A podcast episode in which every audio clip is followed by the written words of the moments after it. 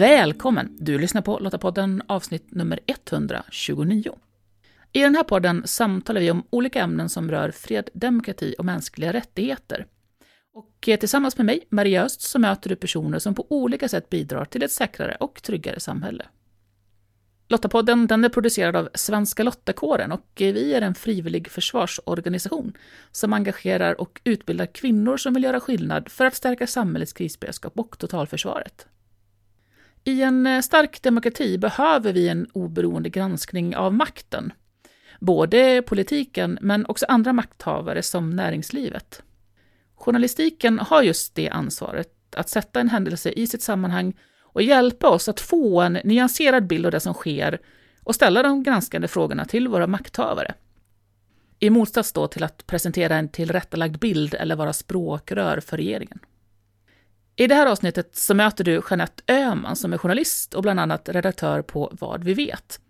Eh, och hon berättar om vad en stark pressfrihet gör för demokratin och vad konsekvenserna blir utan den. Så eh, häng med in i samtalet så får du tips på hur du kan stärka demokratin genom sättet du konsumerar nyheter på. Jeanette, välkommen till Lottapodden. Tack så hemskt mycket. Väldigt roligt att få vara här. Börja lite med att berätta för lyssnarna, vem är du? Jag är journalist och eh, statsvetare, ska man väl kunna säga. Jag och ursprungligen från Finland, från Helsingfors. Där har jag pluggat statsvetenskap och eh, jobbat både för utrikesministeriet och eh, på Finlands riksdag. Och sen bestämde jag mig för att bli journalist och då fick jag ett stipendium för att göra en master i specialized journalism i Los Angeles. Och det är faktiskt här jag befinner mig nu. Jag ska bara stanna ett år men äh, men så trivdes jag så bra, så sen nästan tio år tillbaka så frilansar jag härifrån mot olika svenska och finländska medier. Jag gör lite, lite morgon-tv för SVT Morgonstudion och skriver för Hufvudstadsbladet i Finland och äh, Vad vi vet som är en, eh, ett mediehus som finns äh, både online och på sociala medier där vi förklarar sammanhangen kring olika nyheter. Vi jobbar alltså inte med att, att vara först ute med de snabbaste nyheterna, utan vi vill ge en eh, helhetsbild om eh, varför någonting har hänt och, och eh, vad som eventuellt detta kommer att leda till. Och jag tycker att det är en av de viktigaste sakerna journalistiken kan göra, att helt enkelt förklara ett skeende och sätta det i sitt sammanhang. Just, och just det här att förklara ett skeende, för jag, jag, håller med dig, men, men liksom, varför? Varför är det viktigt då? Jag tänker vi, vi får ju väldigt mycket eh, impulser och nyheter och, och sådär till oss. Så varför är det viktigt att någon faktiskt tar den rollen? För att eh, en nyhet utan sitt sammanhang betyder egentligen ingenting. Och vi läser om en eh, jag menar att det, att det brinner någonstans i världen. Det brinner till exempel i vårt eget land. I, i somras brann det ju både i, i Finland och Sverige. Då kan det vara viktigt att veta om det är ovanligt. Här i Kalifornien brinner det ju varje år, det är någonting ganska naturligt, men att det brinner så otroligt mycket som det gjort de senaste 50 åren har att göra med eh, bland annat eh, klimatkrisen. Och, eh, och jag tror det är en stor skillnad på att veta om någonting, varför någonting sker än att bara sitta med, med liksom en, en, en rubrik. En rubrik säger egentligen ingenting, ett sammanhang gör världen mer... Eh, det är lättare för oss att förstå världen om vi får ett sammanhang. Och det är också därför som journalistiken är så viktig i en demokrati, för att om, om vi ska kunna leva i en fungerande demokrati där vi fattar ett beslut om vem vi ska rösta på, då är det viktigt att, att förstå varför eh, en politi politiker har fattat ett beslut och att det finns journalister som kan ifrågasätta den här politikern och fråga att, att det, här, men, det här beslutet som du gjorde, det stämmer ju inte alls med, eh, med någonting annat du har sagt tidigare eller med hur världen fungerar. Och bara för att sätta det i, i, i liksom klartext då, så att vi alla som, som lyssnar här nu är, liksom, är med på samma bana här. Alltså journalistikens uppgift, vad är det? Journalistikens uppgift är att granska makten och pengarna. Man kan ju tänka sig så här, men vadå, att vem som, internet finns ju, vem som helst ska väl gå in på en myndighetssida och kolla vad de säger, eller, eller till och med lyssna på vad politikerna säger när de pratar i riksdagen eller kanske i kommunalfullmäktige, eller kanske skriva till sin egen politiker och fråga vad menar du egentligen med det här, vilket jag i och för sig uppmuntrar alla att göra, verkligen hålla kontakt med politiker. Men eh, det måste finnas en tredje part med kunskap att ställa rätt frågor och, och, eh, och ha information som gör att, att uh, man kan granska en politiker som kanske inte håller sina löften eller om en politiker går ut och säger någonting och säger att, att det här stämmer inte alls, så här ser fakta ut. Och det kan man såklart göra som privatperson, men det tar ganska länge att sätta sig in i, i vissa frågor. Till exempel, säg att man är intresserad av säkerhetspolitik. Då är det ju otroligt skönt om man har en, en journalist som uh, fokuserar på just säkerhetspolitiska frågor och har kunskapen att ställa rätt frågor till politiker. En, en, en, ett land som inte är en demokrati och som inte heller har någon pressfrihet, pressfrihet till exempel Kina, och eh, där informerar myndigheterna bara sina medborgare om vad de saker som kanske inte alltid är sanna. I en fungerande demokrati skulle det finnas en journalist där som säger att ursäkta men det här stämmer inte alls det ni går ut med. Men eh, tyvärr så mår inte pressfriheten så bra i Kina och faktiskt inte så jättebra i många andra länder heller. Och uh, det gör det lätt för myndigheter och, och, politiker och också företagsledare att helt enkelt ljuga. Jag menar, det handlar ju, i en demokrati måste man också granska pengarna för att ofta hänger pengar ihop med makt. Här i USA där jag bor så, bor, så har um, lobbyorganisationer otroligt mycket pengar och då, mm. är det, och då kan de påverka politiker direkt eftersom många politiker här har som främsta mål att bli omvalda. Nu låter det otroligt cyniskt och jag vill verkligen säga att inte alla politik, politiker är sådana. Men äh, lobbyverksamheten har så stor makt att, att äh, de kan direkt påverka lagar och förordningar. Och då är det viktigt mm. att det finns journalister som förklarar det här. Ja, det är klart att det, det är ju klart svårare kanske att, att säga ja till en, en lagförändring som påverkar någonting, eh, en, en organisation som man då har fått väldigt mycket pengar för och som någonstans ligger bakom att man har kunnat bli vald. Ja, svårt. Men hur står det till med pressfriheten i Sverige då?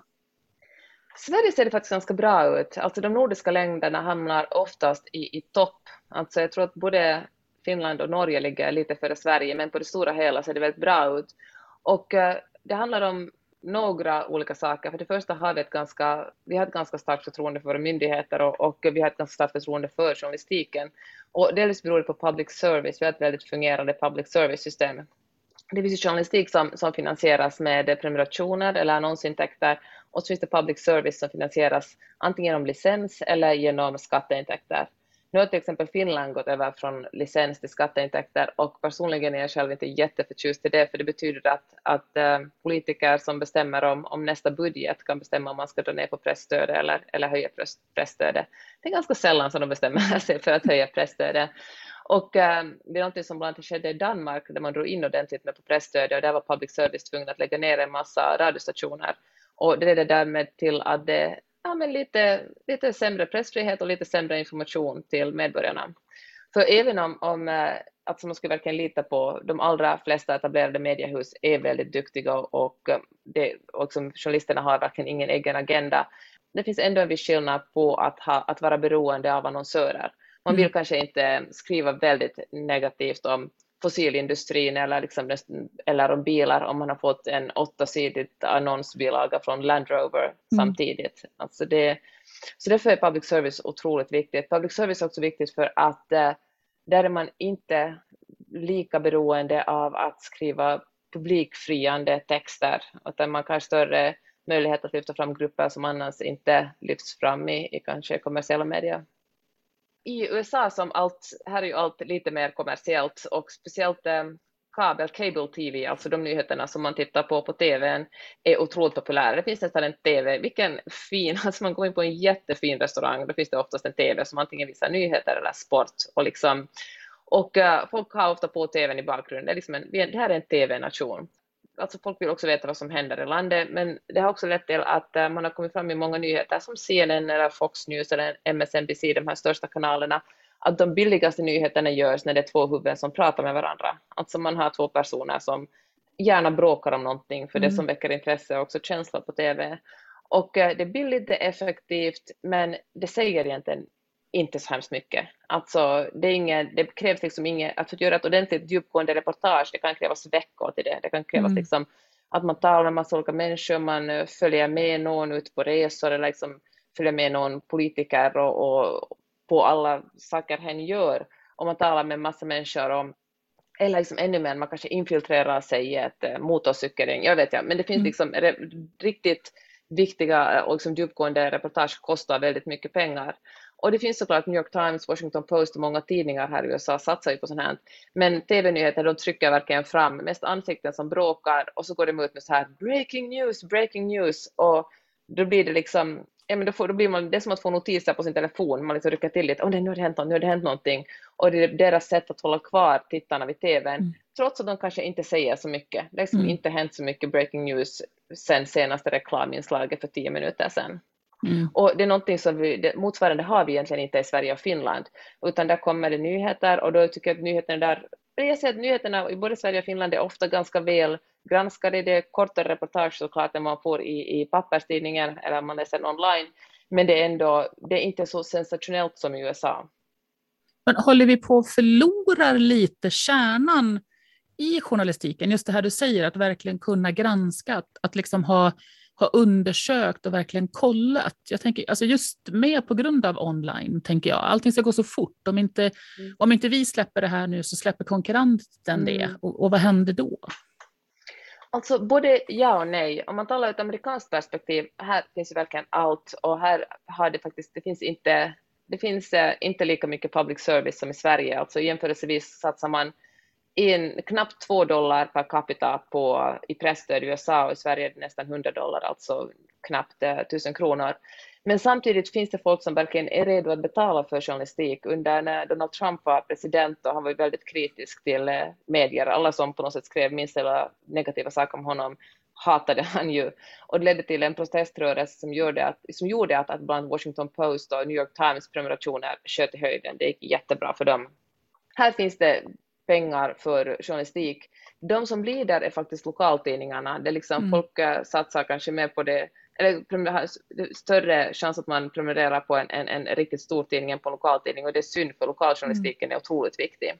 Men uh, det som du säger är att det är, ja, det är verkligen ett, ett stort problem när uh, traditionell media börjar tävla med, med internet för, och liksom online-nyheter. Man försöker satsa mer på att få klick än på att verkligen förklara skeenden och förklara sammanhang.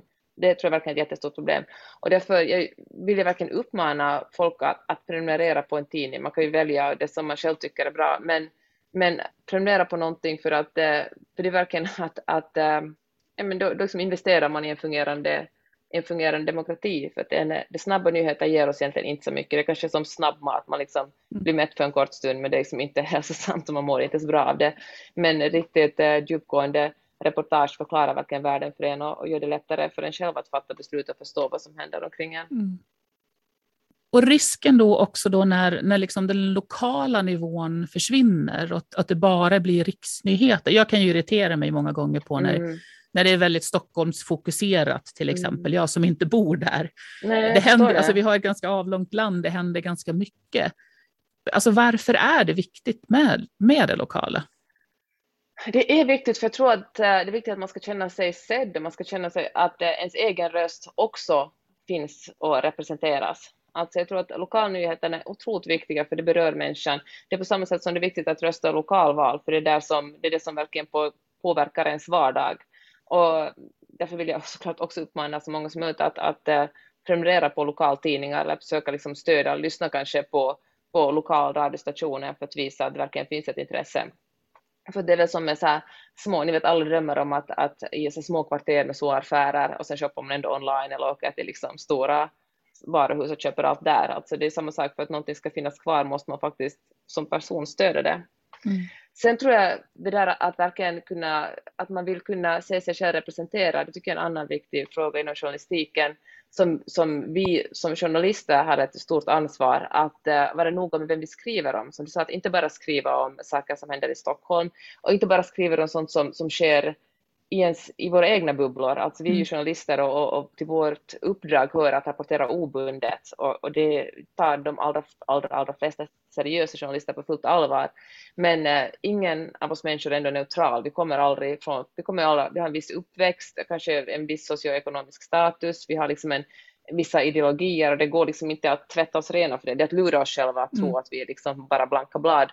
Och då är det otroligt viktigt för oss som är journalister att, att granska oss själva och se vad, vad vi rapporterar om. Är det viktigt att tala med den här experten som finns i storstaden eller kan vi lyfta fram någon som kommer från ett annat ställe av landet?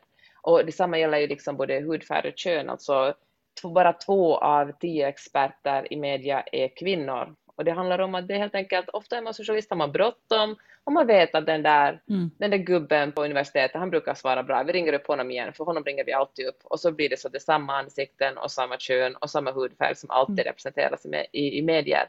Och jag tror det leder till att en, en grupp känner sig orepresenterad och kanske också så att man känner sig som, eh, man kanske som, om man inte är vit eller inte är man, kan man känna att kanske jag, det är inte min roll att vara expert, det är bara en viss mm. typ av människor som är experter. Jag tror att mm. det som vi läser, de ord vi använder, de ord som vi som journalister använder, både i skriftlig text och, och när vi gör etermedia, skapar världen. Det sättet vi beskriver världen på, liksom, så blir världen. Och då är det lite megalomaniska, alltså jag förstår ju att man får intryck från andra håll, andra håll också, men, men jag tänker på det själv mycket som journalist, att hur, hur jag ska kunna göra ett, ett så bra jobb som möjligt. Det handlar ju också om vem som är journalister. Jag är ju liksom en, en, mm. en vit medelålders otroligt privilegierad kvinna och jag är antagligen överrepresenterad i den roll jag är inom journalistiken. Jag tycker det är otroligt viktigt att vi rekryterar människor med liksom funktionsvariationer och annan hudfärg för att, som också ska rapportera obundet men som ändå kommer in med ett annat perspektiv. Ja. Ja, men precis, just, just för att kunna få den där, de andra vinklarna. Jag tänker, och Eh, och jag tänker det är det också som, som journalistiken kan bidra med, i motsats till det som du sa tidigare, att ja, men det är klart att idag så vem som helst kan ju ställa frågor eh, och, och gå på en politiker eller gå på en, eh, en ledare i, i näringslivet. Men just den här, det arbetssättet med en redaktion, att föra dialogen kring, eh, att just kring att hur, hur, hur, hur speglar vi, eller hur berättar vi den här storyn på bästa sätt och har vi fått med alla vinklar? Och det, är det klart att sitter det då bara där personer som är väldigt lika, ja men då, då kommer det ju att fattas delar tänker jag. Precis, eh, det var en jättebra poäng det där, att det verkligen ska finnas en redaktion som bollar de här idéerna och en, en, så, en redaktion med så många olika perspektiv som möjligt. Och det är därför jag också känner mig lite skeptisk till när folk ska göra en mans eller en kvinnas journalistik och går ut på stan och säger att det här är jag mitt eget mediehus. Det blir helt enkelt lite sämre om man är mm. ensam. Alltså bra journalistik görs tillsammans med andra där man bollar idéer och ifrågasätter och liksom kommer med olika perspektiv. Journalistikens roll då för en demokrati, alltså vad är risken när eh, då liksom media, journalister begränsas? Den största risken är helt enkelt det att eh, budskaps, osanna budskap kan spridas utan att någon ifrågasätter dem. Och eh, det kan ju handla om, eh, ja men det kan ju handla om egentligen vad som helst, vad som egentligen beslut som fattas kring Alltså krig är ju kanske ett väldigt dramatiskt exempel, men, men nu när vi spelar in den här podden så är ju Afghanistan väldigt aktuellt och då tänker jag på att eh, hur otroligt sorgligt det är att det knappt kommer att finnas några korrespondenter kvar i Afghanistan efter att talibanerna har tagit mm. över, för det är helt enkelt för farligt. Alltså, att vara journalist kan ju också vara ett otroligt farligt yrke och det dör ju liksom journalister varje år. Och då tänker jag att det, så, så Afghanistan är ju definitivt ingen, ingen demokrati och då kan ju talibanerna hålla på hur som helst. De kan ju säga, talibanerna kan säga utåt så här, vi är de nya talibanerna och vi kommer att respektera kvinnor, kvinnor kommer fortfarande att få jobba, men finns det inga journalister som granskar att det verkligen går till så i praktiken, då får vi bara ta talibanernas ord för det och det kan ju, det kan ju verka vara att det inte riktigt stämmer. Det har vi ju ett väldigt radikalt exempel, men äh, jag menar om man ser på Europa till exempel har ju pressfriheten verkligen, alltså det, går ju, det är ju en pil som pekar rakt neråt, man ser på Polen, där har pressfriheten inskränkts enormt mycket, där har liksom myndigheterna eller sittande partiet tagit över public service helt, så public service i, mm. i Polen är någonting helt annat än vad vi har i Norden. Mm. Uh, Viktor Orbán i, i Ungern, han vill ju helt förbjuda pressfrihet. Han tycker inte att det ska finnas någon, någon press i landet som kan granska honom. Och det är mycket lättare för, uh, alltså, ja, att har man lust att bli diktator så är ju ett bra sätt att börja med att, att uh, tysta ner pressen. Mm. Då finns det ingen som kan kritisera en offentligt. Mm. Och det är ju det som till exempel händer i Hongkong just nu när Kina tar över. Man stänger ner och anklagar journalister för landsförräderi som om det skulle vara samma sak att att granska politiker är samma sak som att, att förräda det egna landet. Mm. Det var ju någonting som Donald Trump också var lite inne på i, under sin tid som president i USA, att anklaga journalister för att vara opatriotiska när de kritiserade honom. Och det är ju verkligen det inte handlar om. Journalister har ju ingen egen agenda utan journalister handlar helt enkelt om att berätta sanningen för sina lyssnare eller tittare eller läsare. Mm. Och jag tycker det med Donald Trump var ganska obehagligt men också väldigt intressant istället för att göra som Viktor Orbán och, och liksom förbjuda, förbjuda pressen eller som, som man gjorde i Polen, liksom ta bort, helt, liksom sluta, eller liksom ta över public service och använda det som sin egen megafon för, för myndigheterna så jobbar Donald Trump med att, att uh, inte svara på journalisternas frågor. Han stängde ju helt ner press, presskonferenserna i Vita huset. Men så jobbar han också hårt på att uh, göra journalisterna till folkets fiender och att misskreditera journalistiken. Varje gång någon skrev något negativt om honom sa han att det var lögn och att man inte kan lita på journalister. Och det är ju ett ganska effektivt sätt att, uh, ja men att, att om, om, om man misstänkliggör de som granskar makten, om man själv är makten, då har man ju ganska då har man ganska mycket att säga till om och då kommer man alltid hela till att mm. det, som, det som ni läser och lyssnar stämmer inte. Det enda, det enda sanningen kommer direkt från mig. Och just det du eh, säger om eh, eh, när man som politiker tar över eh, public service och just alltså kopplat då till det du berättar om att Finland har gått över från licens till, till skattefinansierat. Mm. Jag förstår ju att det kanske kan vara, eller tänkas enklare att ta in det på det sättet. Mm. Eh, men jag tänker också att det försvinner någonstans ifrån radarn, för det, det går bara in i skatten, Precis. jag ser inte det specifikt. Och, och, ja, det funkar ju väldigt bra när vi väl har en demokrati, men om det då skulle mm. förändras och det kommer in antidemokratiska krafter, då kan ju de väldigt Precis. rätt ganska snabbt bara liksom plocka bort finansieringen helt. Ja, men precis. Ja, det är verkligen otroligt skrämmande. Och det som du säger, skulle jag bra sagt, är att, att det är någonting som, som bara försvinner i mängd, någonting man kanske inte riktigt märker. Och kanske man inte heller märker om det försvinner liksom en radiostation här och en radiostation där, eller, eller kanske inte säger än så mycket om, om säg att eh, SVT säger att det här året har vi mycket mindre pengar att röra oss med. Det betyder i praktiken att det finns en mindre budget för att göra granskande reportage och, och det är alltid något som faller bort. Så är det någon redaktör där som sitter och ska bestämma vad, kommer, vad, ska vi, vad måste vi skära i det här mm. året och det är väldigt synd. Så jag tänker att det är liksom, jag förstår att det kan verka surt att man ska man betala också för en tidning, för det kan ju vara, kännas dyrt att betala liksom för journalistik, men om man betalar för Netflix eller HBO eller vad man nu betalar i månaden, eller Spotify, sånt som är nöje, mm. så tycker jag det är en, det är en bra investering att, att mm. investera också i riktigt bra journalistik. Och jag vet att många tänker, men vadå journalistik, det får man ju gratis på sociala medier. Men eh, det är alltså problemet med sociala medier också om man bara följer mediehus som man verkligen, man kan säga att jag läser det mesta liksom från DN eller New York Times på Twitter eller, eller på, på Facebook, då är det lätt också att man låser sig in i sin egen bubbla för att eh, algoritmerna vet att, att man gillar extra mycket. Jag gillar extra mycket kanske att läsa om, om litteratur och då får jag nästan bara kulturnyheter och, och eh, jag måste erkänna, jag har ganska lite sport i mina flöden för det är så algoritmer funkar, det som, vi, det som vi gillar får vi mer av eftersom Facebook och Twitter och Instagram, alla de här sociala medieapparna, som jag i och för sig älskar, men jag tycker att det är mer nöje än riktig journalistik. De lever på att vi stannar så länge som möjligt hos dem, eftersom de alla lever på att sälja annonser och ju längre en person stannar på appen, säg till exempel Facebook, desto fler annonser, desto mer views, alltså desto mera, mm. heter det in, intryck, vad heter det på nu är jag så en störande amerikan som svensk amerikan som inte kommer på rätt ord. Men, men desto fler ögonpar och desto fler gånger ett ögonpar rör vid en annons, desto mer pengar får mm. Facebook. Och då vill såklart Facebook att vi ska stanna så länge som möjligt. Och eh, då jobbar Facebook med att äh, ge oss en, ett flöde med saker vi gillar eller tycker är intressanta, eller saker vi reagerar på. Det som mm. Facebook också älskar är när vi skriver kommentarer för då vet de att vi kommer att komma tillbaka och läsa om någon har svarat på vår kommentar och kanske ännu en gång för att fortsätta den här diskussionen.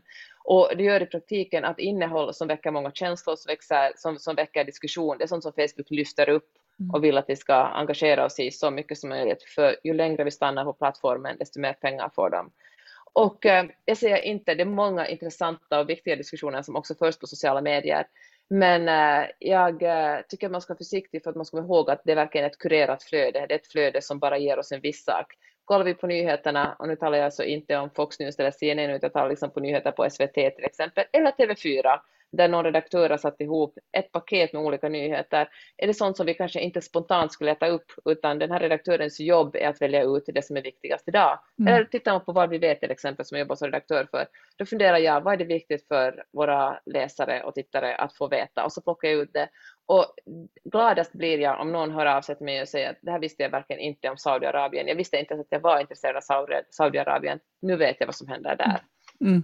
Och ehm, Så det måste man också säga att, att journalistens och redaktörernas kompetens är att lyfta fram sånt som vi inte visste automatiskt att vi ville ha. Mm. Algoritmernas jobb är att bara ge oss mer av det vi vill ha och liksom trycka på rätt punkt som får oss att känna känslor. Ja, och det där har jag reagerat på en del gånger för jag, eftersom jag är medveten om att det är så här. Men jag fastnar ju i fällan någonstans. Det krävs ju ganska mycket av mig för att jag liksom ska ta mig ur den här bubblan. Jag måste ju aktivt välja att söka upp någonting. Ja, men jag håller med. Och jag tänker att man ska kanske inte vara så hård mot sig själv heller. Vi hamnar alla i den fällan. Det är lätt att liksom scrolla bort sig på Instagram.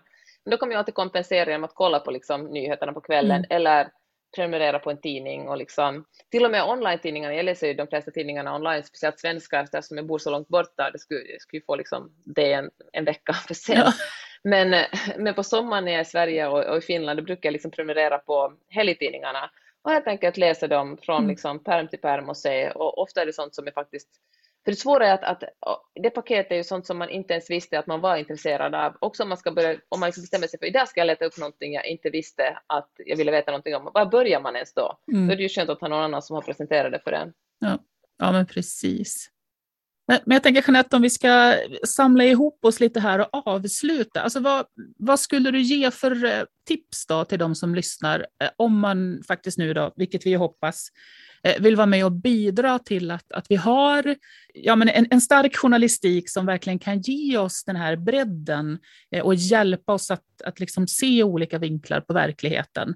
Vad är liksom tipsen? Vad ska vi göra? Vi ska läsa journalistik från många olika håll. Alltså inte bara få all sin information från ett ställe. Det betyder inte att man måste liksom prenumerera på 15 olika tidningar, men eh, kolla lite, jaha, Sveriges Radio säger det här, Svenska Dagbladet säger det här, lokaltidningen säger det här.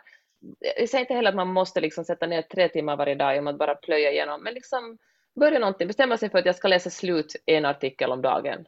Må vara vilket ämne som helst.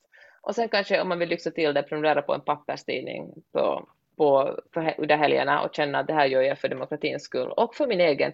För det känns också bra att ha koll. Alltså det känns otroligt bra när man börjar förstå saker och förstå sammanhang. Man behöver verkligen inte vara expert på allt, men vissa liksom, ha ett mm. övergripande koll. Det säger jag. Och sen måste man vara väldigt noga med att kolla källor. Det liksom, sätta det i rutin. Man läser, läser rubrik på sociala medier och innan du läser vidare, kolla genast källan. Det är någonting som gör så att det sitter i ryggmärgen. Kolla, är det här en, Känner igen det här? Är det här en åsikt? Också försöka se skillnad på opinion. Är det här någon som tycker någonting? Eller kommer den här informationen som ett reportage där en obunden journalist har skrivit någonting. Jag säger absolut inte att det är dåligt med opinionsjournalistik, det kan vara jätteintressant och också lärorikt, men att ändå vara noga med att se skillnad på åsikt och uh, fakta. Jag tycker verkligen, alltså vad vi vet, nu jobbar jag ju själv för det, men jag är väldigt nöjd med hur vi förklarar sammanhangen. Så antingen det eller försöka hitta ett annat medium där, där journalisterna förklarar sammanhangen, inte bara gå på snabba nyheter som ska väcka känslor, eller göra oss rädda, för ofta om man bara mm. läser den rubriken, det var sådär att det här känns, det här känns otroligt skrämmande. Och eh, det tycker jag själv är väldigt oseriöst som journalist, utan helt enkelt försöka hitta en källa som förklarar sakligt och, eh, och sätter saker och ting i sitt sammanhang. Utmärkta tips. Jag hoppas lyssnarna tar det till sig. Tack så jättemycket Jeanette för att du hjälpte oss att förstå journalistikens roll i, i demokratin. Tack så hemskt mycket för att jag var med. Det var väldigt roligt. Så hur konsumerar du nyheter? Vilka källor vänder du dig till? Är det någonting du tänker förändra efter att ha lyssnat på Jeanette? Själv så försöker jag se på nyheter på tv de flesta kvällar och prenumererar på min lokaltidning, även om jag irriterar mig enormt över att jag inte får den förrän mitt på dagen. Men jag tänker att om inte jag prenumererar så kanske den kommer att försvinna helt och det vill jag inte. Jag tänker också på det som Jeanette sa om att sätta en händelse i sitt sammanhang. Det ser jag också är viktigt. Det här att utmana mig i tankar och inte låsa fast mig i en vinkel. Och det kan vara jobbigt ibland, det här att bli utmanad, men väldigt, väldigt viktigt. Alltså min förståelse för verkligheten, den kommer ju utifrån mina referensramar. Och jag har i alla fall alltid uppskattat när jag får möjlighet att få en händelse belyst ur en helt annan vinkel. Lästips relaterat till det vi samtalat om i det här avsnittet, det hittar du på lottapodden.se. Och om du, precis som Svenska Lottakåren, tycker att fred, demokrati och mänskliga rättigheter är värda att försvara, och du vill vara med och göra skillnad för vårt samhälles krisberedskap och totalförsvar, ja, men då ska du gå till svenskalottakåren.se. Där hittar du information om hur just du kan göra skillnad. Nästa avsnitt av Lottapodden det kan du lyssna på den 14 oktober. Så om du inte redan gör det, så prenumerera på Lottapodden så du inte missar nästa avsnitt. Du hittar podden bland annat i Apple Podcast, Podbean eller på Spotify. Och om du gillar Lottapodden, berätta gärna för andra om den. Och om du använder en app där du kan lämna en recension, som Apple Podcast, gör gärna det, så hjälper du fler att hitta till podden. Och tack för att du lyssnar. Hej så länge!